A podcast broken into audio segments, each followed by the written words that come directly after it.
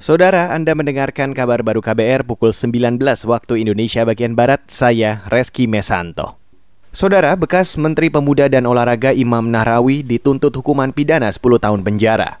Jaksa penuntut umum dari Komisi Pemberantasan Korupsi atau KPK menyebut, Imam terbukti menerima suap dan gratifikasi sebesar 11,5 miliar rupiah. Suap itu untuk mempercepat proses dana hibah KONI pada 2018. Selain itu, ada gratifikasi atau pemberian lain diterima Imam Nahrawi sebesar 8,6 miliar rupiah. Dalam persidangan di Pengadilan Tindak Pidana Korupsi Jakarta, Jaksa KPK juga menuntut agar hakim menjatuhkan denda 500 juta rupiah atau hukuman pengganti 6 bulan. Selain itu, jaksa juga menuntut agar terdakwa membayar uang pengganti sebesar 19 miliar rupiah dalam waktu sebulan. Jaksa juga menuntut agar hakim mencabut hak politik Imam Nahrawi selama lima tahun setelah selesai menjalani hukuman penjara. Kita beralih ke informasi selanjutnya, Saudara. Penyidik senior Komisi Pemberantasan Korupsi atau KPK, Novel Baswedan menyebut, tim jaksa penuntut umum bersikap keterlaluan karena menuntut dua terdakwa pelaku penyerang terhadap dirinya dengan tuntutan hukuman rendah. Tuntutan satu tahun penjara yang dimintakan jaksa kepada terdakwa menurut novel Baswedan memperlihatkan jaksa menginjak-injak norma keadilan. Waktu itu saya menyampaikan kepada penyidik, dan itu disampaikan dituangkan dalam berita acara bahwa pasal yang diterapkan salah. Hingga proses di persidangan saya dipanggil sebagai saksi pertama kali.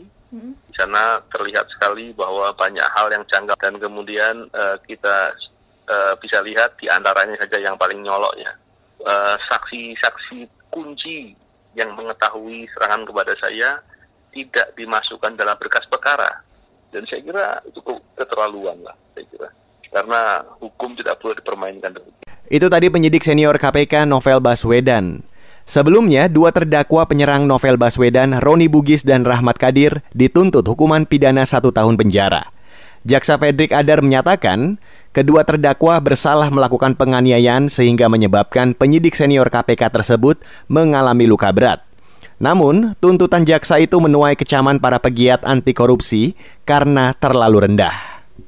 Kita beralih ke kabar dari luar negeri. Pengadilan Turki menangkap seorang jurnalis terkemuka atas tuduhan mata-mata militer dan politik.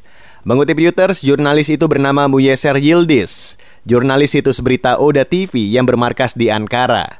Jurnalis perempuan itu ditahan pada Senin lalu dan surat penangkapan keluar pada Kamis kemarin. Selain Yildiz, pengadilan Turki juga menangkap penyiar Telewan di Ankara namun dilepaskan setelah pemeriksaan.